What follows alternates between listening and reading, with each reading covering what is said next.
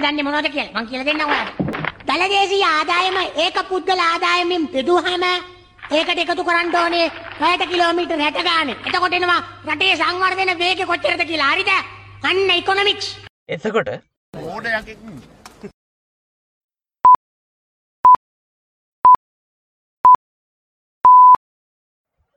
ආයිබෝවන් අද දෙදස් විසි දෙකේ ජනවාර විසි හතරනිද රට කරන හැරි පොඩ්කාස්ට් එකේ අසූ දෙවැනි කොටසත් එක එකතුන හැමෝම වෙනදවාගේම අදත් ආදරෙන් පිළිගන්නවා. ඒ වගේම තමයි පොඩ්කාස්ට් එක අස්සුව එක්වැනි කොටසත් එක එකතුරු අපිත් එක් අදහස් පැදාගත් හැමෝටමත් ගොඩක් ස්තුතියි කියලා අ, කියන්න ඕන. අද පොඩ්කාස්ට් එකින් අපි කතා කරන්න හිතුවේ යුක්්‍රේණ අර්බුදය ගැන. ඉතිං අප පොඩ්කාස්ට් එක අහන ගොඩක් අය ජියෝපොලිටික්ස් ගැන දැනගණ්ඩ ඒව ගැන කතා කරන පොඩ්කාස්ට එපිසෝඩ් හන්ඩ කැමති හන්ද තමයි. අද අපි යුක්්‍රේන් අර්බුදය ගැන කතා කරන්න හිතුවේ.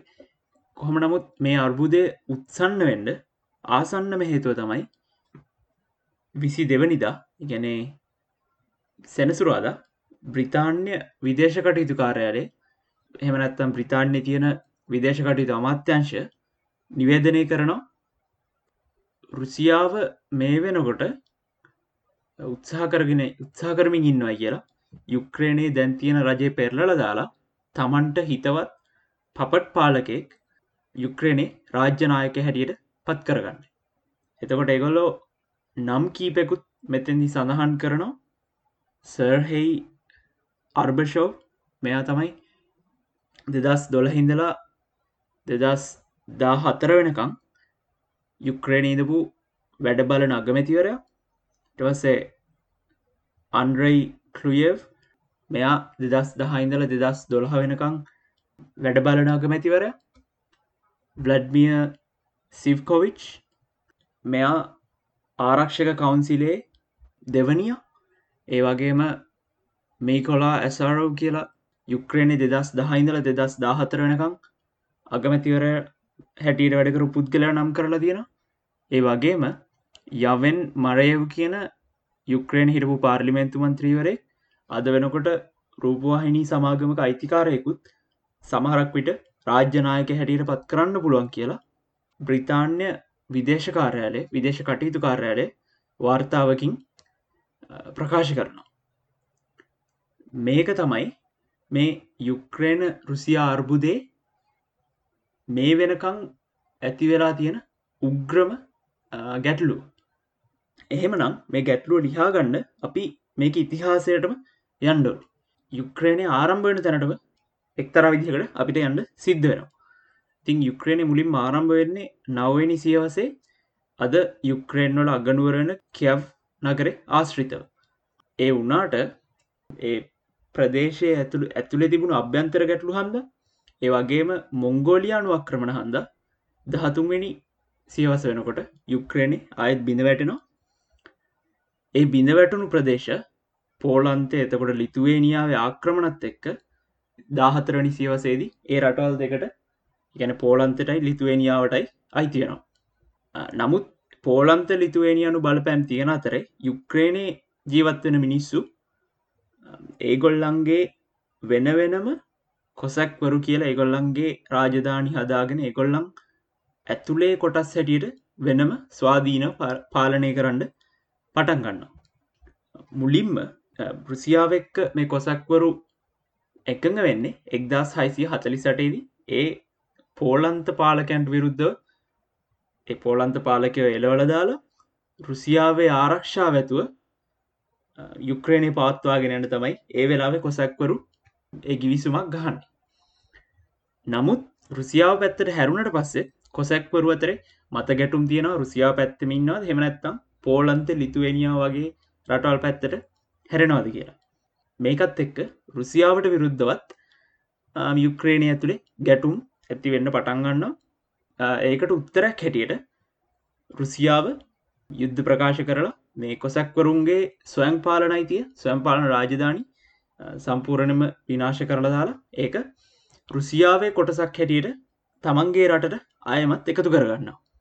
ඒ වගේම එක්දස් හත්සි අනුවේදි පෝලන්තය බෙදිල එනකොට පෝලන්දයට අයිතිලා තිබුණු යුක්‍රේණ ඉතුරු කොටස් ටිකත් රුසියාව අයිති කරගන්න මේ මෙහෙම අයිති කරගත්ත යුක්‍රේණේ රුසියාව අවුරුදු එකසිය විසි විස්සක් විතර තමන්ගේ පාලනේ තියාගෙන ඉන්න මෙතැදි වැදගත්දේ තමයි යුක්‍රේණය ඇතුළේ වෙනම කල්ච එකක් තියෙන සහ එගොල්ලන්ට වෙනම භාෂාවක් තියෙනවා. නමුත් රුසියානු පාලනයක් යටතේ ඒගොල්ල පුළුවන් තරම් උත්සාහ කරනවා මේ යුක්‍රේණ කල්චය එක එතකොට යුක්‍රේණ භාෂාව පුළුවන් තරම් පහලට දාලා ඒ වෙනුවට රුසියානු භාෂාව යුක්‍රේණය ඇතුළේ පාවිච්චි කරන්න. ඉති කොහොම හරි රුසියානු විප්ලවේදිත් එකැන ලෙනින්ලගේ රුසියානු විප්ලවේදිත් එක්දස් නවසය දහතේදී ආයමත් පෝලන්තේ රුසියාව අතර යුක්‍රේණය බෙදිලන මෙතෙන්දි වැදගත් වෙන්නේ පෝලන්ත බලය තිබුණු කොටස් ටිකක් යුක්‍රේණ භාෂාව කතා කරන. තකොට බටහිර පැත්තට ඒකැන්න බටහිර තියෙන රටවල් එක්ක සම්බන්ධතාවල් තියාගන්න කැමති මිනිස්සුන්ගෙන් පිරණ එක. ඒ වගේම නැගෙනහිර පැත්ත තියෙන රුසියාව බලයට යටත්තුන් රටවල්ල රුසියන් භාෂාව කතා කරන රුසියානු බලපෑම යටතේ හැදුණු වැඩුණු මිනිස්සු සහ ජනකොට්ටාශයක් ඒ පැතිවල ඇතියනවා කොහම නමුත් සෝවිය සමූහන්ඩු ඇතිවුණට පස්සේ ආයමත් යුක්‍රණය සෝවිය දේශය කොටසක් බට පත්වන ඒගොල්ලන්ගේ සැටලයිට් ස්ටේට් එකක් බවට පත්වනවා නමුත් සැටලයිට් ස්ටේට් එකක් හැටියට වැඩ කරනවායි කියල කියන්නේ යුක්‍රේණයට ඒගොල්ලන්ගෙමයි කියලා රාජ්‍යනායකයෙක් හිටියට ඒගොල්ලන්ටමයි කියලා පරිපාලනයක් තිබුණට ගොඩක් වෙලාවට රුසියාන් රුසියාව එහෙමනැත්තන් සෝවියට් සමූහන්ඩුව කියන සංකල්පය තමයි යුක්‍රේණයට උඩින් ක්‍රියාත්මකුණ එතකොට යුක්‍රේණය ප්‍රතිපත්තිත් ගොඩක් දුරට රුසියාවෙන් තමයි ක්‍රියාත්මක කරන්න ඒ හන්දා එක්දස් නවසි අනුවේදී සෝවියත් සමුහන්ඩුව බිඳවැටනොත් එක්කම යුක්‍රේණය වෙංගුණාට පස්සෙත් ගොඩක් දුරට රට ඇතුළේ යුක්‍රේණය කියලා හැඟීමක් තියෙන ගතිය අඩු එකැන එහෙම හැඟීමක් තිබුණට අනිත් පරණ සෝවියත් රාජ්‍යන් එක්ක සංසන්ධනය කරනකොට යුක්‍රේණයේ යුක්‍රේණ ජාතික මතය ටිකක් පහළ තැනකයි තිබුණේ කියලා ගොඩ දෙනෙක් පිළිගන්න. ඒකට එක හේතුවක් තමයි අපි අර කලින් කිව්ව භාෂාවල් අතර සංස්කෘතින් අතර තියෙන වෙනස. එකන්නේ පෝලන්ත ආක්‍රමණ වලට යටත්තුුණු ලිතුවනියනු ආක්‍රමණවලට යටත්තුුණු බටහිර පැත්ත තියෙන යුක්‍රේණ ප්‍රදේශ ගොඩක් කලාවට යුරෝපීය රටවල් එක්ක වැඩි සම්බන්ධගන් තියාගන්න කැමති නැගෙනහිර යුක්‍රේණයේ තියෙන එකැන ක්‍රයිමියාව එතකොට ඒ වගේ ආසන්නව තියෙන රටවල් රුසියාවත් එක්ක සම්බන්ධගම් තියාගන්න කැමතියුණු ප්‍රදේශ. නමුත් පුටින් බලයට එනවත් එක්කම එයාගේ පාලනය ඇතුළේ රුසියාව ඒකාධිපති පාලනයකට යනවා ලංකාවයට ඕන වුණා වගේ නමුත් යුක්‍රේණයේ බොහෝ දෙනෙක්ට ඕන වෙන්නේ තමන්ගේ රට ප්‍රජාතන්ත්‍රවාදී පාලන දිශාවකට අරගෙනයන්න මේක හොඳටම පැහැදිලෙන වෙන තැන තමයි දෙදස් දහතුනේ දෙදස් දහතර අවුරුදුවල සිද්ධුණු රාජ්‍ය විරෝධී උද්ඝෝෂණ. එතෙන්දි ඒ උද්ඝෝෂණවලට ආසන්නම සිද්ධිය තමයි යුක්‍රේණ ජනාධිපතිවර යුරෝපිය සංවිධානයත් එක්ක සම්බන්ධකම් පවත්වාගෙනයන්ට ගීසුමක් අත්සං කරනවා වෙනුවට රුසියාවත් එක්ක වෙන ගිහිසුමක් අත්සං කරන්න තෝරගන්නේ.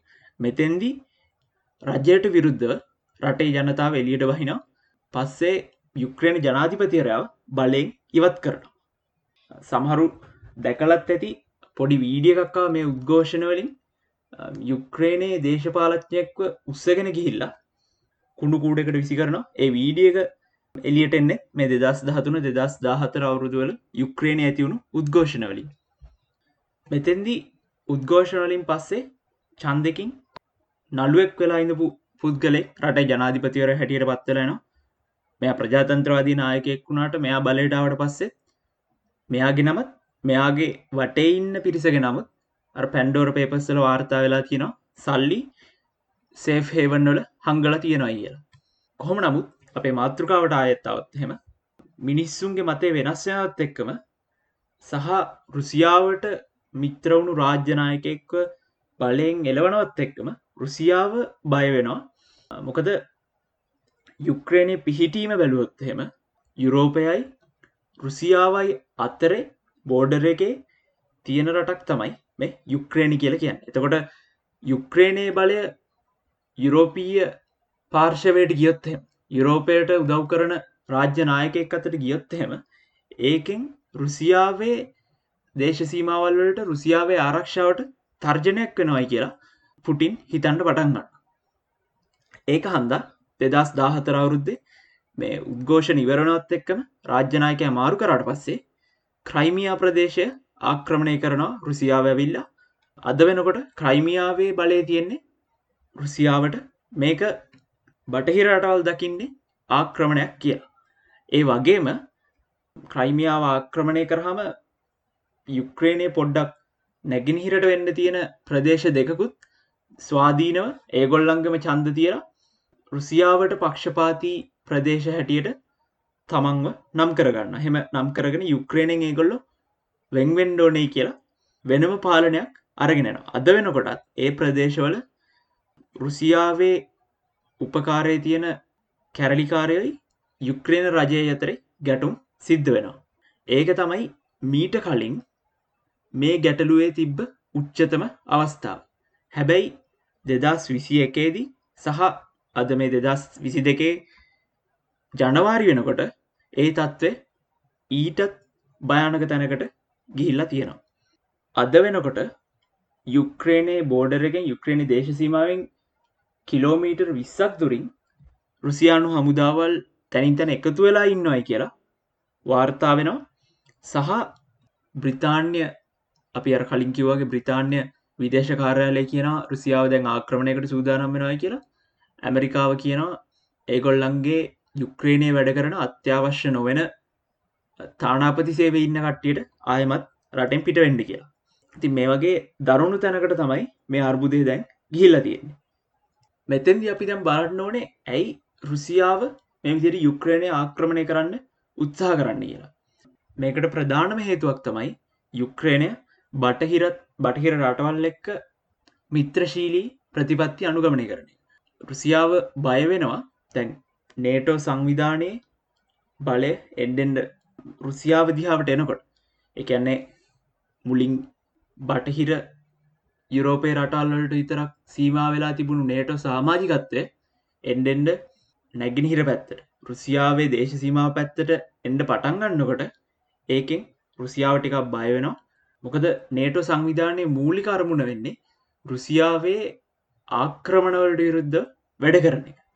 එහෙමනම් ඒ අතින් බලනකොට තමන්ගේ බෝඩ් එක ළඟ තමන්ට විරුද්ධව කටයුතු කරන එක හරි නැහැයි කියන තැන ඉඳගෙන තමයි රුසියාව මේ වෙලාවේ ආක්‍රමණය කරන්න ලෑස්තියෙන්නේ ඊළඟට ඒගොල්ලො දෙන තවත් හේතුවක් තමයි යුක්‍රේණය එක්දා සත්සී ගණන්වල විතර ඉඳලා රුසියාව කොටසක් වෙලා තිබුණ. එගොල්ලන්ට රටක් හැටියට නිදහස ලැබෙන්නේ ළඟදී.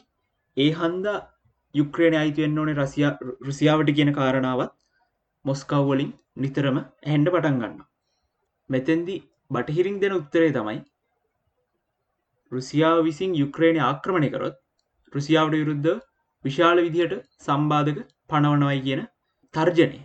ඒ වුනාට මෙතෙන්දි අපි දැකපු එක විශේෂ දෙයක් තමයි ඇමරිකාව බ්‍රිතාන්‍ය වගේ රටවල් සම්පූර්ණයෙන්ම යුද්ධ වැඩ කරන්න ඕනි කියලා කිව්වත් ජර්මණීය වගේ කොන්ටිනෙන්ටල් යුරෝප යුරෝප්වල තියෙන රටවල් රුසියාවත් එක්ක බොහොම ළඟින් වැඩ කරනවා. විශේෂෙන්ම ඇන්ජලාමකල් බලඉන්න කාලේ එයා රුසියාවයි නේටෝ සංවිධානය අතරේ සහ G20 සංවිධානය රුසියාව ඇතර සම්බන්ධතාව පාත්වාගෙන ගියා කියලා බොහොම ප්‍රසිද්ධ අදහසක් තියෙනවා. ඒ විතරක් නෙවෙයි අපි දකිනවා ජර්මණීය නාවික හමුදාපතිවර ඉන්දියාව සංචාරයකට හිල සාකච්ඡාවකදී මේ බොහොම ළඟ දවසකද කියන පුටින් මේ වෙලාවේ රුසියාව පාලනය කරගෙන යන ඉදිහට ඔහුට ගෞරව කරන්න ඕනි කියලා. තින් ඒ වගේ අපිට හිතෙනවා බටහිර කඳවුර ඇතුළේ ඇමරිකාව බ්‍රිතාන්‍ය වගේ රටවල් බොහොම තදස්ථාවරයකින්නකොට ජර්මනීය ප්‍රංශය වගේ රටවල් එච්චර තද තැනක නැතුව මධ්‍යස්ථ විදිහට එහෙමනැත්තම් පොඩ්ඩක් ඉන්ටෙන්සිටිය අඩු කරලා මේ ප්‍රශ්න දිහ බලාගෙන ඉන්නයි කියලා. අවසාන වශයෙන් අපි හිතන්නේ රුසියාව ගොඩක් කලාවට යුක්‍රේණින් කොටසක් හරි ආක්‍රමණය කරයි. අර මේ වෙනකොට යුද්ධ ඇති වෙලා තියෙන ප්‍රදේශ හරි ආක්‍රමණය කරන්න රුසියාව පෙළබෙන්න්න පුළුවන්. ඉතින් ඒකට විරුද්ධ බටහිරටවල් ඒගොල්ලු කියන ඉදියට රුසියාවට විරුද්ධ සම්බාධක පනවන තැනටත් එන්ඩ ඉඩ තියෙනවා. ඒ දේශපාලනික පැත්ත. ඉටවස්සේ ආර්ථික පැත්තට අවොත්හෙම යුක්‍රේණයෙන් සහ රුසියාවෙන් එලියට එන විශාලම සම්පත් දෙකක් තමයි ධාන්‍ය වර්ග සහ ඔයි. එතකොට යුක්‍රේණය මුල් කරගෙන ගැටුම් ඇතිය නොයි කියලා කියන්නේ මේ දෙකේ මිල වැඩිය නොයි කියන එක. ඒකත් එක්කම සම්පූර්ණ සප්ලයි එකේ වියදම් මිහලයන ඒකෙන් ආර්ථිකයටත් Um, පොඩි හෝ බලපෑමක් වෙන්ඩ පුළුවන් කියලා වාර්තා වෙනවා.